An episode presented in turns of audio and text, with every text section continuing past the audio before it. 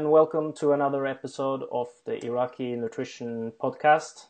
I'm your host, uh, Juma Iraqi, and today I have a very special guest with me, Nick Tuminello. Nick, how are you doing today? I'm good, man. I appreciate you having me. Appreciate all you do for the field, man. Thank you so much.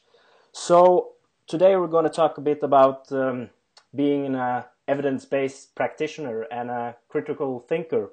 But before we start with the question for the people that might not know you, could you give us a brief introduction about yourself?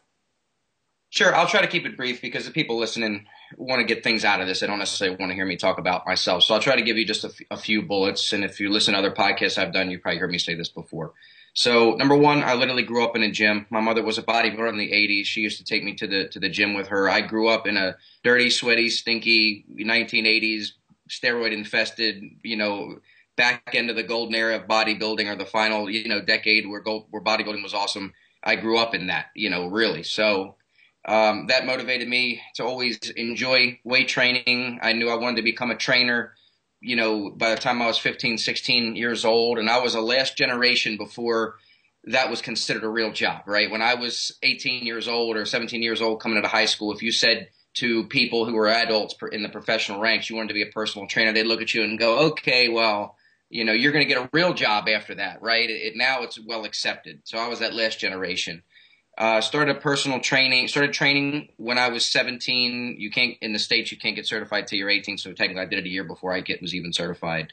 Um, I started my own gym with a business partner at the age of how old was I? Right before I turned 21, actually. Something I kind of fell ass backwards into. We'll talk about that another time.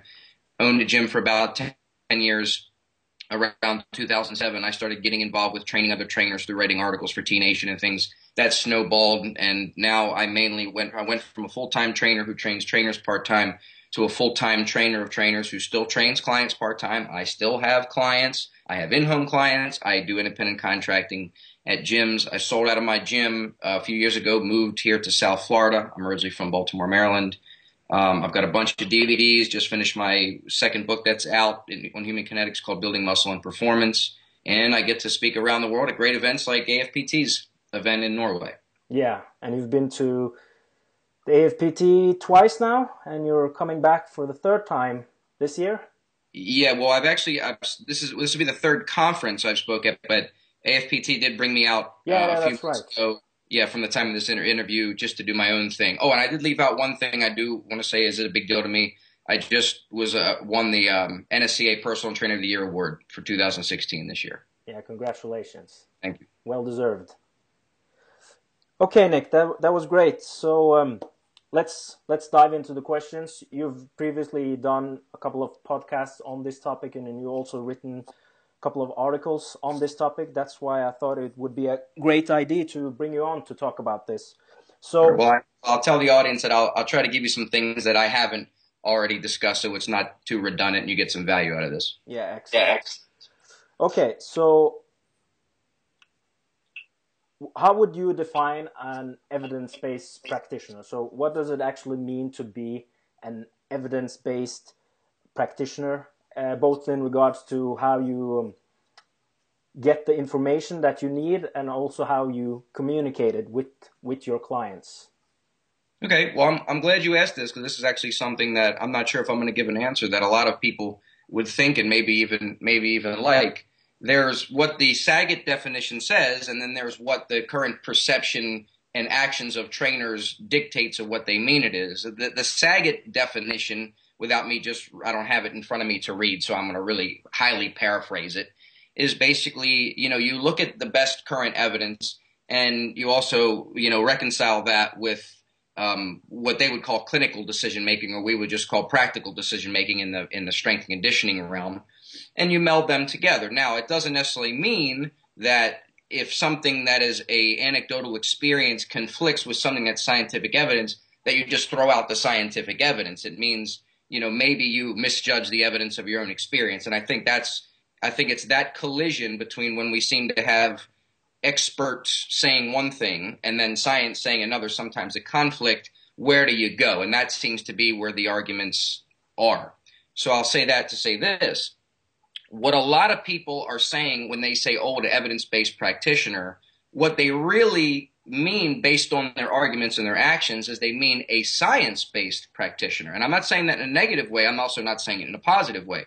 What I mean is they won't accept any anecdotes whatsoever. They don't care what any coach says. If you don't have, you know, some PubMed links, then they don't give a crap what you say. That, based on the definition is of, of the Sackett's definition, wouldn't necessarily be an evidence-based practitioner. So what a lot of people are saying evidence-based, what they really mean is is purely science-based. And I, I think there's some relevance to that. Science-based doesn't just mean uh, you have to have a PubMed link. It also looks at scientific plausibility, right? How how well is what you're claiming line up with our current body of knowledge? For instance, does it upset the the SAID principle, the principle of specificity, right? We don't need a specific study looking at something to say, well, that goes against the principle of specificity. So it's probably it's highly implausible, right? Anything is possible, but it's really about probabilities and plausibilities. All right. So, um, so with all that being said, um, I do think just let me clarify something. A lot of the the arguments that we see, anecdote versus science is people plugging in. There's nothing wrong with using anecdotes. I'm not above using anecdotes. I use lots of anecdotes to communicate some of the favorite techniques and tactics and programming concepts that I use. But the difference is how you deliver it. It's how you say it or how you don't say it. If you take something that's very anecdotal and you spin it in a way that you're pushing it across as very authoritative and factual because I observed it and I'm a great coach, that's where the problem lies. It's not that you used anecdotes, it's how you delivered your anecdotes. All right? Um, so I'll, I'll, pause there for a second. I would like to, there's a, another point I'd like to make, but I don't want to just sit here and soapbox right off the gun here. okay, excellent.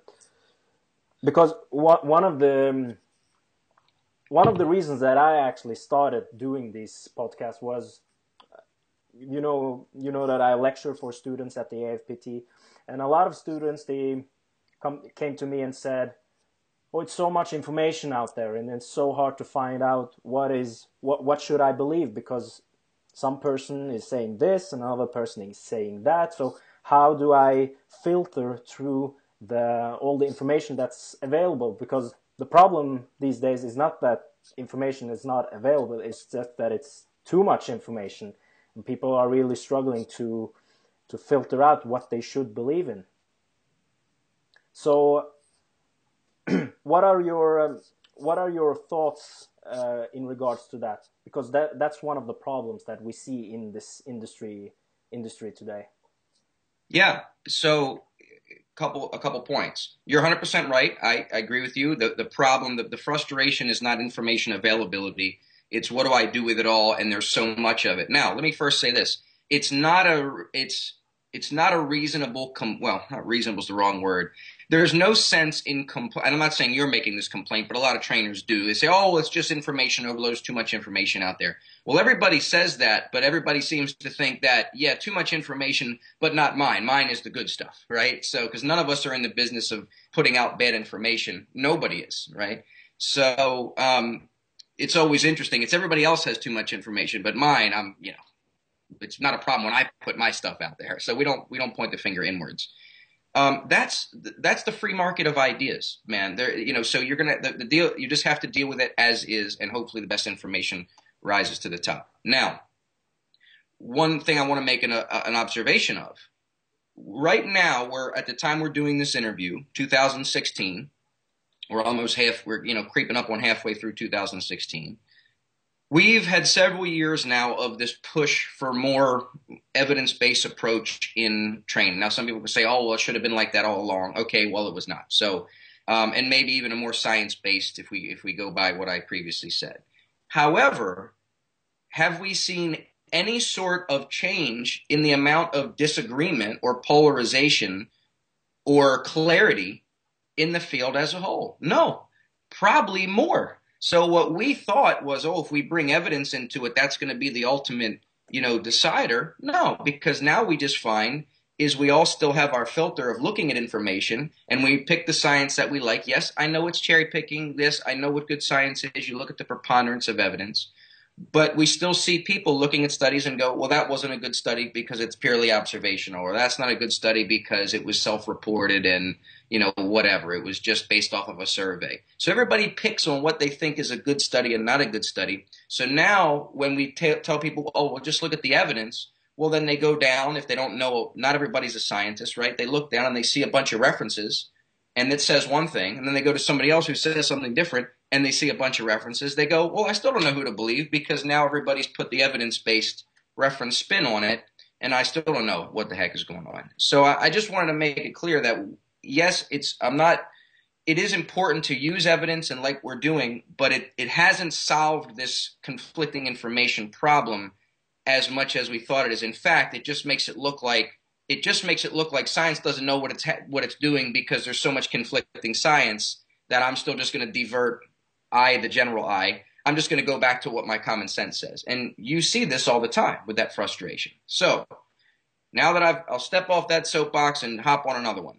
What I prefer to say, looking, setting that uh, where we are right now, what I prefer to say is I've tried to get away from using the term evidence based practitioner because of all the things I just went over, right? So, you know, I prefer to use the, the principle based practitioner. So, what that means is, again, using universal principles. And that way, it clarifies things because when you look at when you look at the evidence that people are providing, and sometimes it seems like, oh, well, they have science and they have science, but they're still conflicting. Then what you look at is plausibility.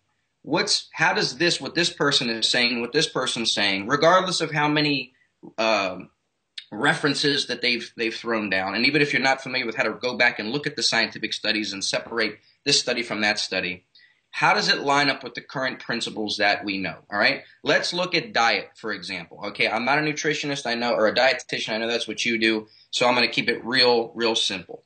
So what we know when we look at some of the, the, the majority of the evidence across the board is that calorie quality is important and calorie amount is important, right? Now, we have all these different diets. We have intermittent fasting, we have paleo, we have things that were talked about 10 years ago about don't eat after 6. There's all these percentages, 30, 40, whatever the percentages are.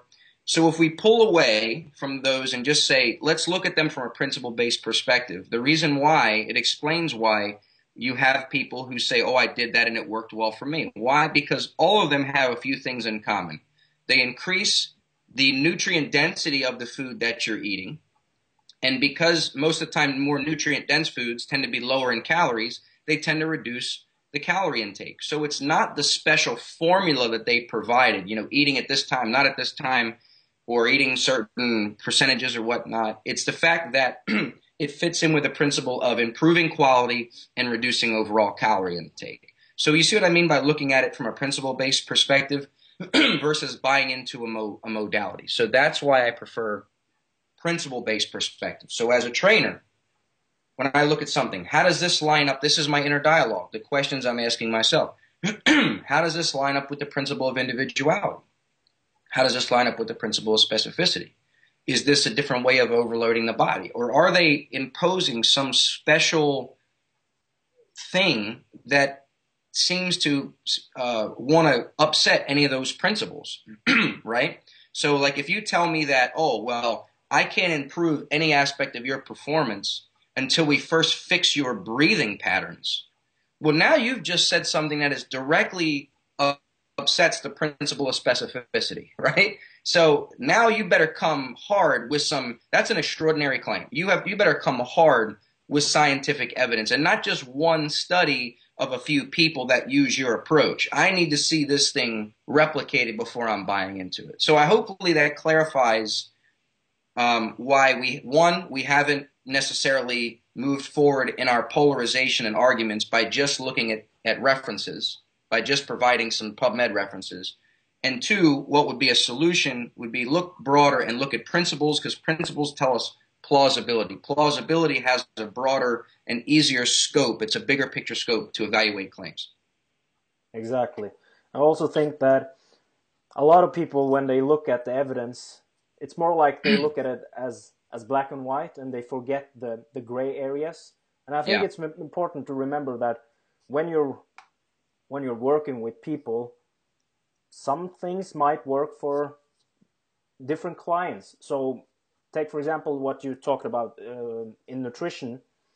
Uh, the key is actually to find something that you can adhere to over the over the long run. So some some people might uh, find it easier to adhere to the diet if it's lowering calories, high, uh, lowering carbohydrates, higher in protein, higher in fats, compared to others that might adhere to it if they have more protein and more carbohydrates, for example. Mm-hmm. So it's it's always a tricky, especially when you teach this to to students to tell them that there's no there's no magic formula either for training or for nutrition. You just have to learn the principles and the different tools that you can use based on the clients that you work with. Yeah, so there's general parameters that you teach and there's different strategies that can that can stay within those parameters. So again, just like what you said, okay, you say it's the you know the, the number one factor is what's find something you can adhere to. However, and there's lots of different ways based on preferences within this imaginary circle I'm drawing here. But hey, some people may prefer a more of an intermittent fasting style. You know, they might have one or two meals, big meals throughout the day. Other people may prefer six smaller meals However, we're always going to emphasize eating more fruits and vegetables, you know, a colorful diet, because that doesn't change. So you see what I mean? The overall principle is the same. I, again, I know you get this, but I'm teaching to the audience. Um, the overall principle is the same, but there's lots of different delivery systems, and that's a key word I think people should understand. L- don't look at these different delivery systems as mutually, you know, uh, contradictory. Now, some things are. Some people say if you eat this type of food, this is going to give you diseases, and other people say, you know, if you eat this type of food, it's it's going to be the key to health. Those are extraordinary claims that need that. That's when you start looking at at evidence and things. But when people just have different delivery systems to create adherence, to adhere to principles, those are not complementary. They're just different tools in the toolbox to take to take care of the same, you know, the same issue. Excellent. Improving overall nutrition. Yeah. You have you've written earlier a great article called uh, "Why Smart Trainers Believe Stupid Things." So in this article, you talked a lot about the the issues that you've observed in the fitness industry. Could you briefly mention a bit of the the things that you have observed among among trainers? Sure. So I got that concept for there's a one of my favorite books is written by a guy named Michael Shermer. He's the publisher of Skeptic Magazine. He's, he also writes a Scientific American column. Um, and in his book, I think it's called "Why People Believe Stupid." Why people believe stupid things. Uh, sorry, um, there's a chapter in one of his book called "Why Smart People Believe Stupid Things," but I think it's the book is called. He's written. I've written. He's written several of them it's either the book is either the believing brain or um, why people believe weird things. I can't remember which one that was a chapter in but i got it from that. So anyway the reason why i started that article concept is because uh, so we talked we're talking about evidence-based science-based. One of the re- things that we have is is not as much a problem with this evidence versus that evidence. It's why you should think scientifically and respect scientific evidence in the beginning, right? Because sometimes when you watch these debates, and they don't necessarily have to be debates between expert versus expert, those seem to be the most entertaining, but sometimes trainers will talk to their clients and their clients, well, I don't care what science says. I know what my, you know, my homeopathic doctor taught me, and that's that's that, you know, or my naturopath or whatever. So we deal with this stuff too. So that if you punch someone in the face with, with science and you start printing out a bunch of PubMeds and go, here you go, see, your person is wrong or you're wrong, that just pushes them away. Why? Because there's a gap there. And the gap that you think that they don't, and vice versa, is they don't respect, they don't understand why they should respect evidence gained from the scientific method to the be- from the beginning. They think it's all corrupt. They think it's all artificial and robotic. All the evidence, all the arguments that we've heard over and over again. So the reason why I started that article series was to help people understand why we should appreciate the scientific method and statistics. I'm not saying I'm a scientist, I'm a citizen scientist. I don't enjoy thumbing through journals. And, when I hear people talk about specifics, it makes my eyes glaze over. I'm more about practical application of the research.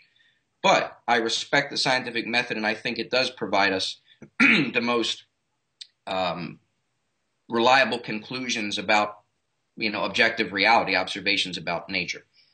Um, So just to understand about biases and dif- different things that cause us to misinterpret, all of us, it's, it's innate human fallibility that cause us to misinterpret, misremember, and misjudge the evidence of our own experience, right? Because if you understand why your observations, your everyday observations, even if you're smart and have multiple PhDs, you're still prone to biases. It's just how our brain works.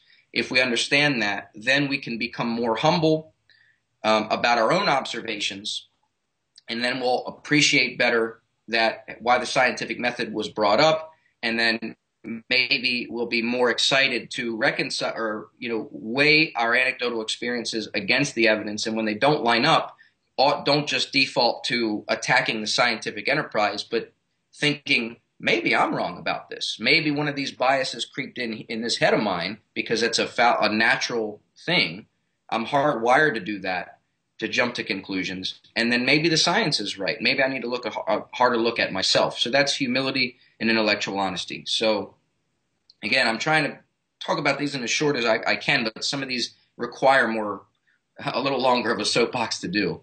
Yeah, I understand. Uh, I think it's great that you mentioned this with when you encounter people that just say, I don't believe in, in science, and people try to convince them by pushing more signs on. And I think one of the problem is that people people that aren't into the science and evidence and stuff like that, I think they find it. Uh, what's the word? Mysterious, maybe. It's something something mysterious. Yeah. Yeah. Well, uh, sorry, I'm going to cut you off. No, no, just continue. Right. Well, I was going to say, you know, the, a, a, lot of this has to do, I would say, two. It's twofold. Number one, again, I'm speaking from being someone from the states here now, knowing what our school systems do. And I'm not going to sit here and pontificate and say the school system is broken and things like that. I, I, I don't. That's not beyond my scope. Um, I'm not going to. I don't think that necessarily at all. But we're not taught as Americans coming up through school, whether it be through private school or public school, we are not taught as a foundational aspect. Just like we were taught English and math, like you know, you have to take that four years in high school.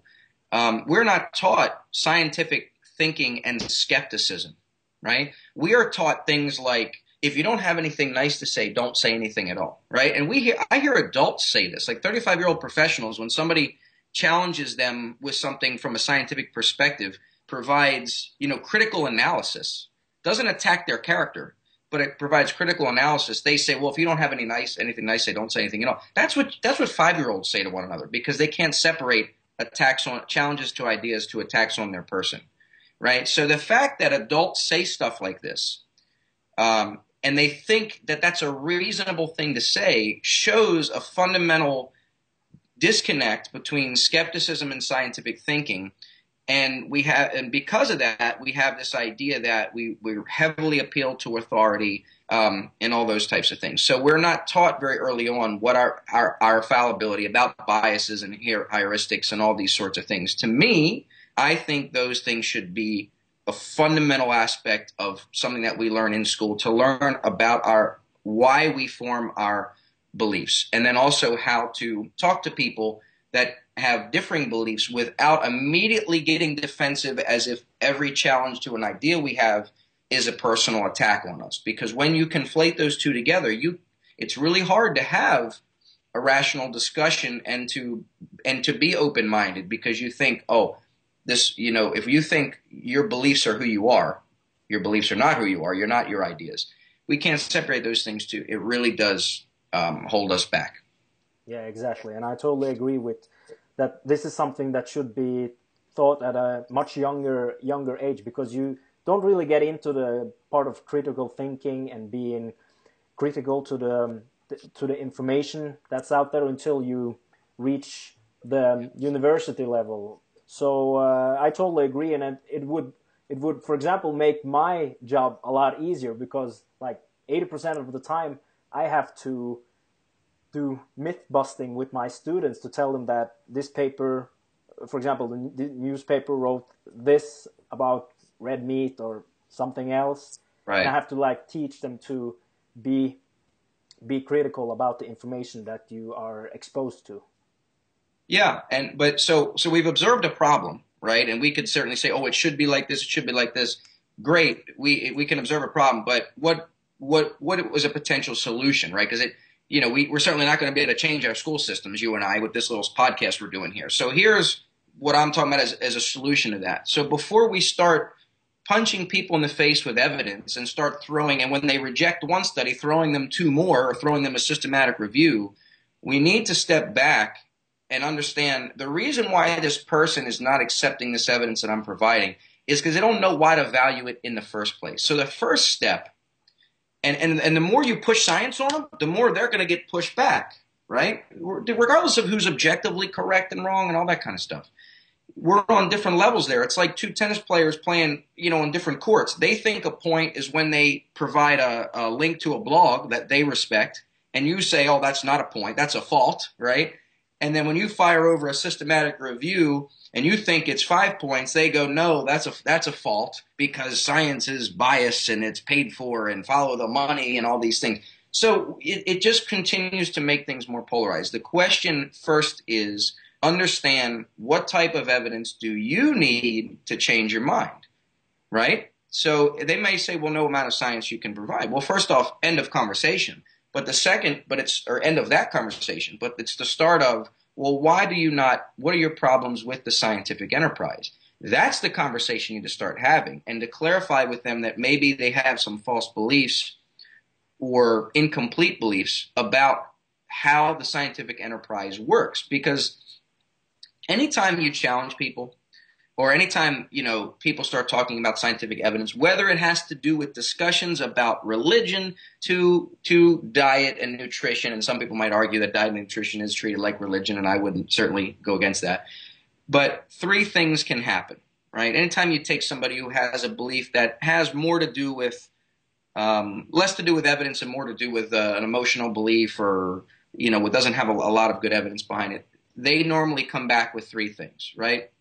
They either argue that it's real, meaning it's objectively real. So then you ask, well, you know, so that's what we have science for. Can you provide some objective evidence because you're arguing that it's objectively real? Then when they don't have that, they normally go away with that. That normally goes away pretty quick. And then they say, well, it's helpful, right? Well, I don't know about all your science stuff, but all I know is I did this diet and I lost all kinds of weight and I feel better. And my two of my clients did it. Okay. So they didn't argue it's real anymore. They just argued it's it's helpful, which goes back to our previous discussion. It helped them eat more fruits and vegetables and, and continue less calories, but not specifically to the special claims that their modality makes. You understand? So, or they'll attack the messenger. And that happens in one of two ways. They'll attack you and they'll say, Oh, why are you being so negative? Why can't I believe what I want to believe? Why are you bullying me? Blah, blah, blah. Or they'll attack the scientific enterprise. Oh, follow the money. Oh, this, that, and the other. So the reason why I bring that up is we notice that the discussions, when you start, this is another problem with the whole evidence based issue again. You know, throwing science at it and thinking that clarifies everything all it really does is it cha- it becomes a distraction in a lot of these situations. Again, I'm not saying don't use scientific references. I use scientific references, but it, it's not an, ultimate problem solver. Is now the discussion becomes about science. You you talk to the philosopher types, and they're going to say, "Oh, well, you know, it's more than science," and they'll accuse you of scientism, right? And then other scientists will say, "Oh, you're cherry picking." So now the discussion bec- goes away from whatever you were talking about about lunges or squats or eating more vegetables or eating more protein. And now the argument becomes about philosophy and how studies are done. And it's like, holy crap, I was just talking about, you know, chicken breast here, you know, like, so, you know, that's why I say sometimes we look broader, go back to this principle based approach. Sometimes it saves us um, from those things. And the takeaway here with all my rants is that we have to fill that gap between first getting people to appreciate, to understand why they should appreciate scientific evidence in the beginning. That is step one. We skip that step and slam them, you know, w- with studies, and when they don't, go, oh well, you're too dumb to change your mind. You don't want to hear any counter evidence. No, you you just haven't told them they don't know why they should understand science. Yeah, exactly. appreciate. It. Yeah, yeah. I think I think that's a very good point, especially since like you often encounter on Facebook, for example, if somebody comes up with a with a with a let's say uh, let's say it out like a stupid claim, and people will comment with like 40 or 50 references. Like they will bully them with a lot of references. And I'm like, yeah. if if the person doesn't know any better, maybe it's better to actually try to teach them, like you said, about the scientific method and go through those stuff before starting to like bully them with citing a lot of reference because I think the majority of people find it actually quite hard to to read scientific papers as well. Well, sure. So do I. yeah. So you know, here here's something interesting. Most people who are adults will will agree with what I'm going to say right now. They'll say this: if a, a person continues to encounter, let's say it's in their professional life or in their personal life and relationships, right? Where they continue to encounter the same issue. You know, they're constantly, let's say they're constantly disliked at where they work or they're constantly being uh, dumped after a few months by the people they're dating because they, they claim they're controlling, right? So if that same pattern continues to happen, we don't point the finger anymore at the people they work with or the people they date. We point the finger at them and go, okay, if the same pattern ha- or the same thing happens, it's a pattern, and the problem is you. You are the consistent uh, denominator across the board. Okay, so if we see somebody who has been on been in arguments on social media or whatever, and the faces and names changed, but the same issues still happen, right? The same counter arguments still happen, whether they're good or not. The problem is you. If you still encounter the same roadblocks with getting people to understand this, why they shouldn't do this diet or, you know, why this is a bad argument. The problem is you, but yet we never put that same thing on ourselves. We always go, oh, these people are just zealots. And the, no, people believe things for reasons. Most people are not dumb in regards to lacking some sort of common sense. You know, most people are not walking out, you know, in the street and in front of cars, in front of traffic without looking both ways. That's what I mean by common sense. So we believe things for reason. The que- reasons. The question we have to first ask is it, it, where we differ is what are good reasons to believe things. That's the difference. It's not, you know, we have everybody has reasons to believe things. What are more reliable reasons to come to know things? That is really the question, and that comes down to what I've said before. You know, getting people to appreciate one that anecdotal uh, observations, conclusions drawn from anecdotal observations, are not nearly as reliable as we innately feel they are because they're they have a strong emotional connection to us, and we know we have this idea that I know what I believe in seeing I know what I saw and seeing is believing. We have to un- get people to understand that is that is not that is not correct because this brain of ours is a is a machine for jumping to conclusions, right? Um, and it and is not necessarily purely rational as we think. A lot of times we come to a conclusion and then find ways to back into it later, right? Um, and I think Michael Shermer said smart people find um, smart reasons to believe to come to dumb conclusions, right? So that's the fundamental issue. And until that is taken care of and until that's discussed, and it is a more patient process, we'll continue to see the same divisions that we see. First off, we're always going to have divisions in this. Diversity in human beings ensures that we're going to have, uh, and we're tribal, we're going to have groups and in and out groups of differences of opinion. That's great. That's the free market of ideas. But it's at what level do we keep, you know, do we communicate with people at differences of opinion? That becomes the problem. Is it going to be in a way that continues to make it more polarizing, or is it in a way that can have more respectful and productive discussion? Why do you believe what you believe? Not, I believe this.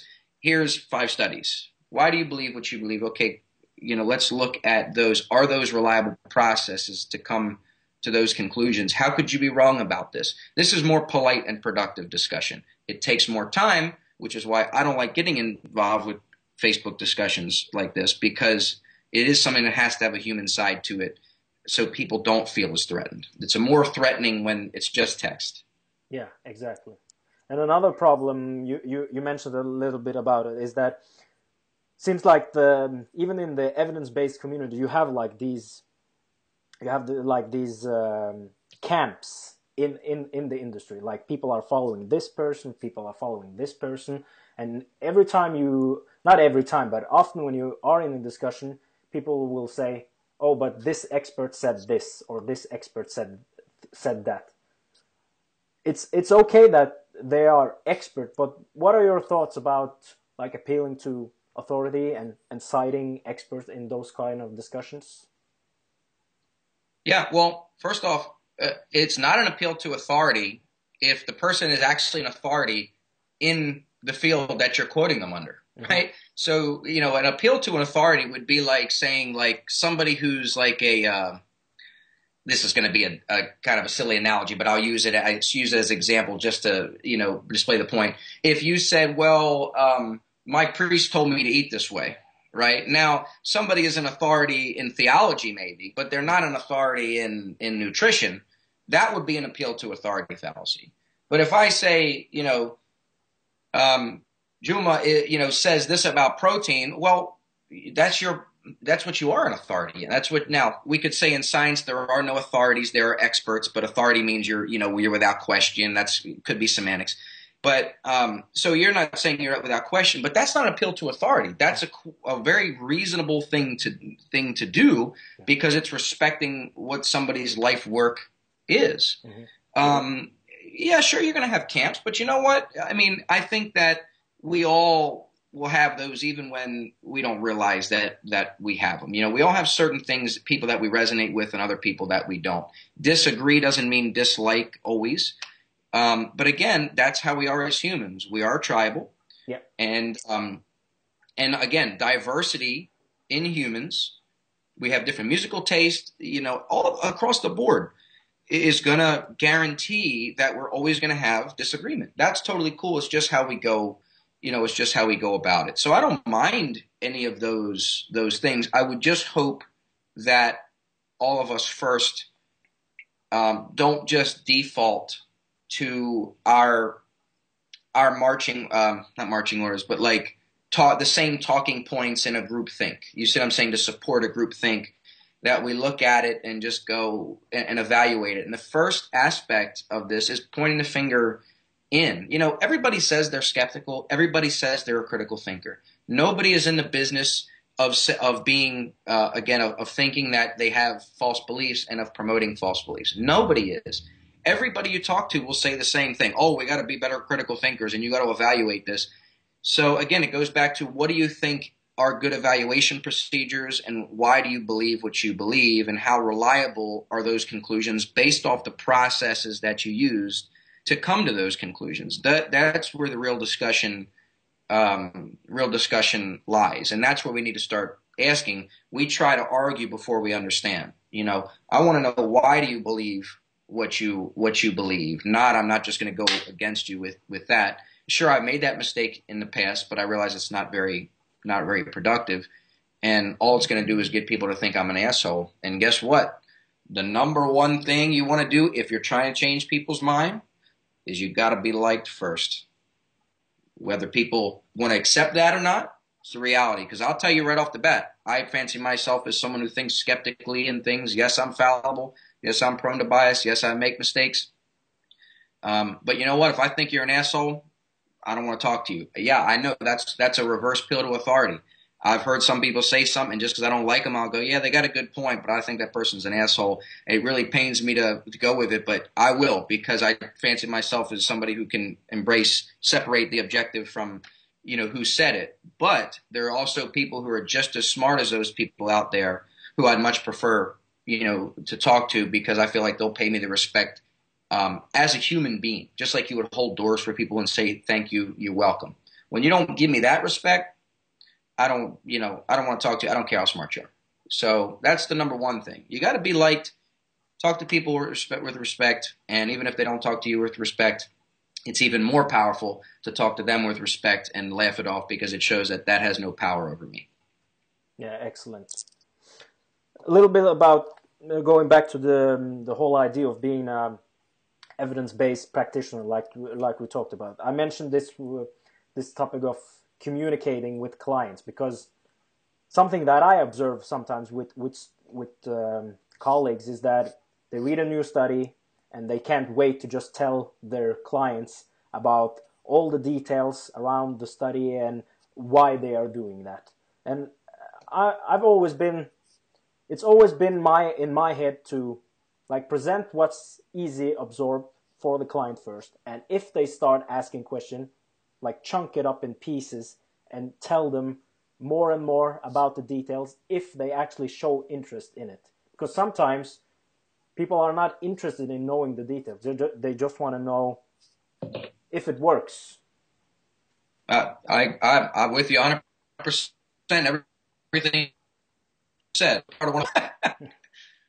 you know, so um, yeah, I, I, I really have nothing, you know, nothing to add to that. I'll, I'll just say this: if we all think about how we, most people, even a child, can make a paper airplane, right? Yeah. And we can make different types of paper airplanes. You know, you can bend the wings up, you can you can turn the paper wide, you can turn the paper long and make it a streamlined plane.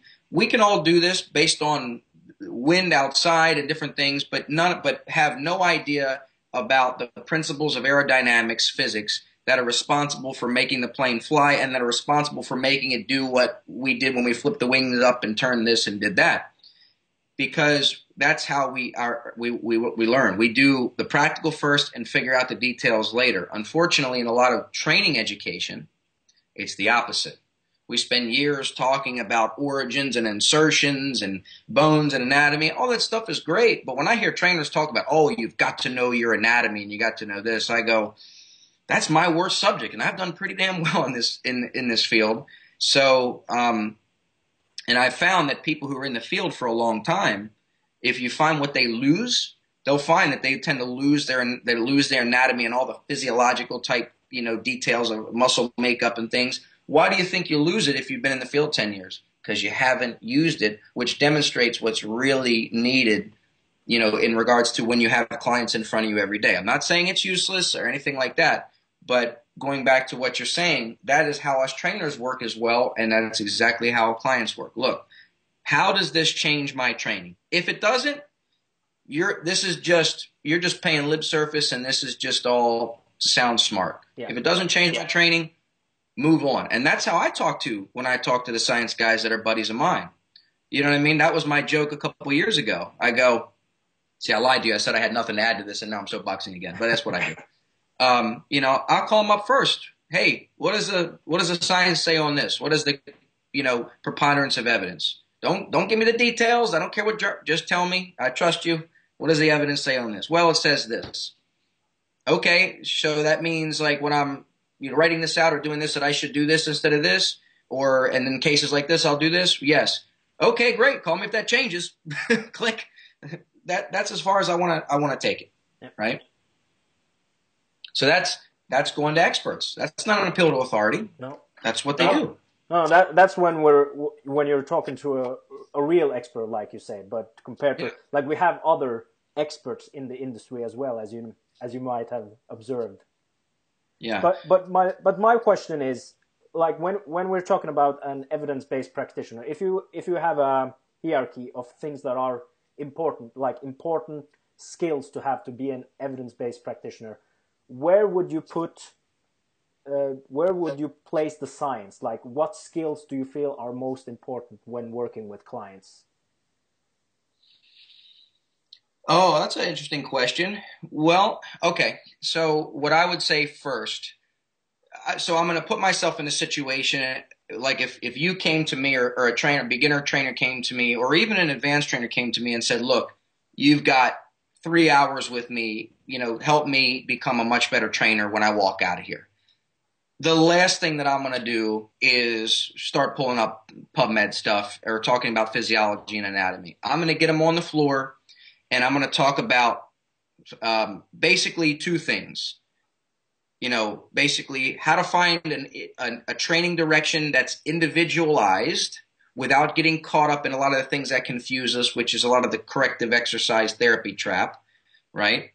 and because that seems to do more to cause trainers to lose their way than than to help. Um, a, a, discussion for another time, and then two, Uh, so that's basically exercise prescription. All right, individualized exercise prescription, keeping safety in mind, of course. And two, programming, uh, again, with exercise prescription as part of programming, organization and prioritization. And with that, coaching and modifying exercises, right? Which goes back to the first point, because those are the, the, the big rocks of training. Now, as we get into that discussion, surely some reasons why are going to come up. So if they say, oh, well, Nick, why don't you use this uh, formalized screening or assessment procedure? Then I'm going to have to, if that question comes up, then we might back this discussion up and I go, well, for lack of a good evidence that I should. Well, I've heard that this, that, and the other. Well, I invite you to go look at the preponderance of evidence on that. Here are some resources. So that's where that may go. But I'm not going to jump right down that that path. What I am going to say, I'm going to show them, tell, teach them a thought process. But yeah, if I've got limited time, you know, understanding scientific research is not going to be the first thing that I that I throw at them. The first thing that I throw at them, I'm talking about a personal trainer right now, is going to have to do with all to do with exercise, prescription, coaching, and modification. Excellent. It's because that's what we do.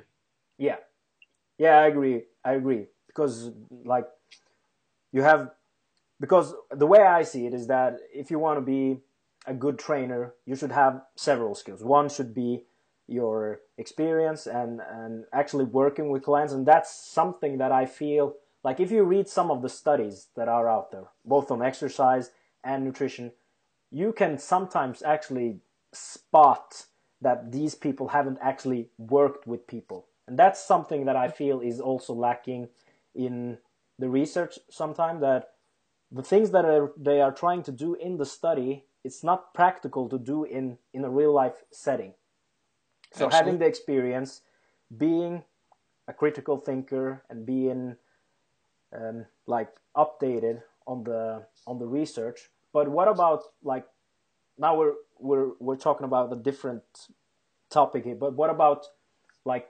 communication and social skills as well Sure. Well, let me. You asked me about social skills. I'm going to answer that question. I'll be brief on this. Like I said before, everybody fancies themselves as a skeptic and a critical thinker. The question is, how selective are you with that, right? So if you're buying a used car, we're all very skeptical and we're going to be critical and give a lot of critical analysis towards what the, the used car salesman says. Um, but if it's someone that we really believe and they tend to be in line with us, we're going to be a lot less skeptical and critical of what they say. Now, I will say you don't have to look, you know, be super skeptical of everybody because you can assign higher confidence values to people based on, you know, previous information. And you go, okay, every time this person provides information, they, they always are very thorough and they seem to form very logical, very well evidenced type arguments and they seem to be intellectually honest. So that's okay to do. But that's what I mean. Everybody says they're critical thinkers and skeptics and things. The question is, are you selective about that or do you really apply that much broader to you know, most, if not all, new claims or current beliefs that you have. That is really what skepticism and critical thinking, you know, is all about. And be willing to change your mind and, and hear different um, arguments as long as they have some sort of logical basis to them, right? Okay. So you asked me about communication. I really think that we already covered this before um, in regards to what I said polite and productive conversation. Um, I will tell you that asking questions to people is much doesn't position you um, in an antagonistic manner as telling them things and, and throwing evidence and things in people's faces. And let me give you a quick couple two very quick diffusion tactics about these things. So let's say you confront somebody or they confront you about and you have a different point of view in regards to some type of diet or some type of training modality whatever, right? Um, and the, the first thing that you need to ask them, or they need to ask you, is what, before you start getting involved in the discussion, number one, what would you require to change your mind about this? Now, changing your mind is, is a twofold thing. One, you could say, well, what do I require to start rethinking my current position on this? So just to have some area of, of openness where you start to question your belief. I still think that's true, but you know what? I don't think it as confidently as I did. That's okay. and what would you require to abandon that belief? Once you tell me that, well, now I know what you're going to take as a point. Because if you say, well, if I saw a double blind study with had at least 200 participants that looked at this and looked at this, well, I happen to have one a reference for one of those. Check this out. Discussion pretty close to over. Now that person may completely backtrack and then you realize, well, you're not, you said this and then you went against your word, right? Well, you're not going to get far with that person, so then you just abandon it. Flip that around on yourself. What type of evidence would I require to bring in more doubt to the conclusion that I have or to change my mind? And then you can ask that person directly. You know, so if you, we all go into conc- these arguments without asking these fundamental questions. And now you see why the continued polarization happens because you quote from a website that I don't care about. I quote from a science journal that you don't care about, and we keep doing it and we keep telling each other the same thing. Oh, you're confirmation bias. No, you're confirmation bias. Oh, no, you know, you're not skeptical enough of this. Well, no, you're just going with the group think, and it's like this. Exactly. Right? Yeah. Yeah. So start understand before you argue ask questions and i gave you a few fundamental ones to ask otherwise it, it's only going to make people think you're an asshole and you're going to think that person's an asshole and that definitely is not going to help anybody change their mind yeah exactly okay nick let's uh, wrap it up with the last question i just want to want people to have something practical in regards to this filtering of information that's out there. If if if there's a person that's really getting new into the evidence based part of of this industry what are resources or tips that you would give them in regards to keeping update on the latest information? Like how do you find good information and how do you filter out the bad information okay well that yeah that's that's a tough question man i mean I certainly have certain sources of, of people that I would recommend that I that I assign high confidence values to, right? But other people don't. Names you're already familiar with, you know, people that they would priority associate with me. You know, I, I like Bret Contreras' work. I like Brad Schoenfeld's work. I like Alan Aragon's work, um, Eric Helms. Um, probably because those guys share some of the same values that I do. Sometimes it's facts versus values. So people who share different values than those guys, they may not resonate with their work. So I'm showing my my bias there in regards to just evaluating claims, all I can provide is just my the, the kind of internal dialogue that I have. Um, and also, these are per- beliefs that I have when I'm evaluating them. It's basically this: um, How could I be wrong about this? What is the counter evidence? Weigh the counter evidence, basically the plausibility of it, how logical it seems or illogical it seems, based off of where my current position based off the evidence I have and how logical it seems. This is all internal. Before I'm pointing the finger this way, it all goes here first. All right. Um, what would I require to change to change my mind? Is there something close to that? How does this information fit along with um, what we currently know, you know, about principles and things? Again, how does it fit into a principle-based filter before you start looking at individual studies? Because again, yes, you can start um, arguing this study versus that study, and then we also can have, you know, it becomes for every PhD there's an equal and opposite PhD, right? That's what they do in courts. You know, the art they call it the battle of experts in courts.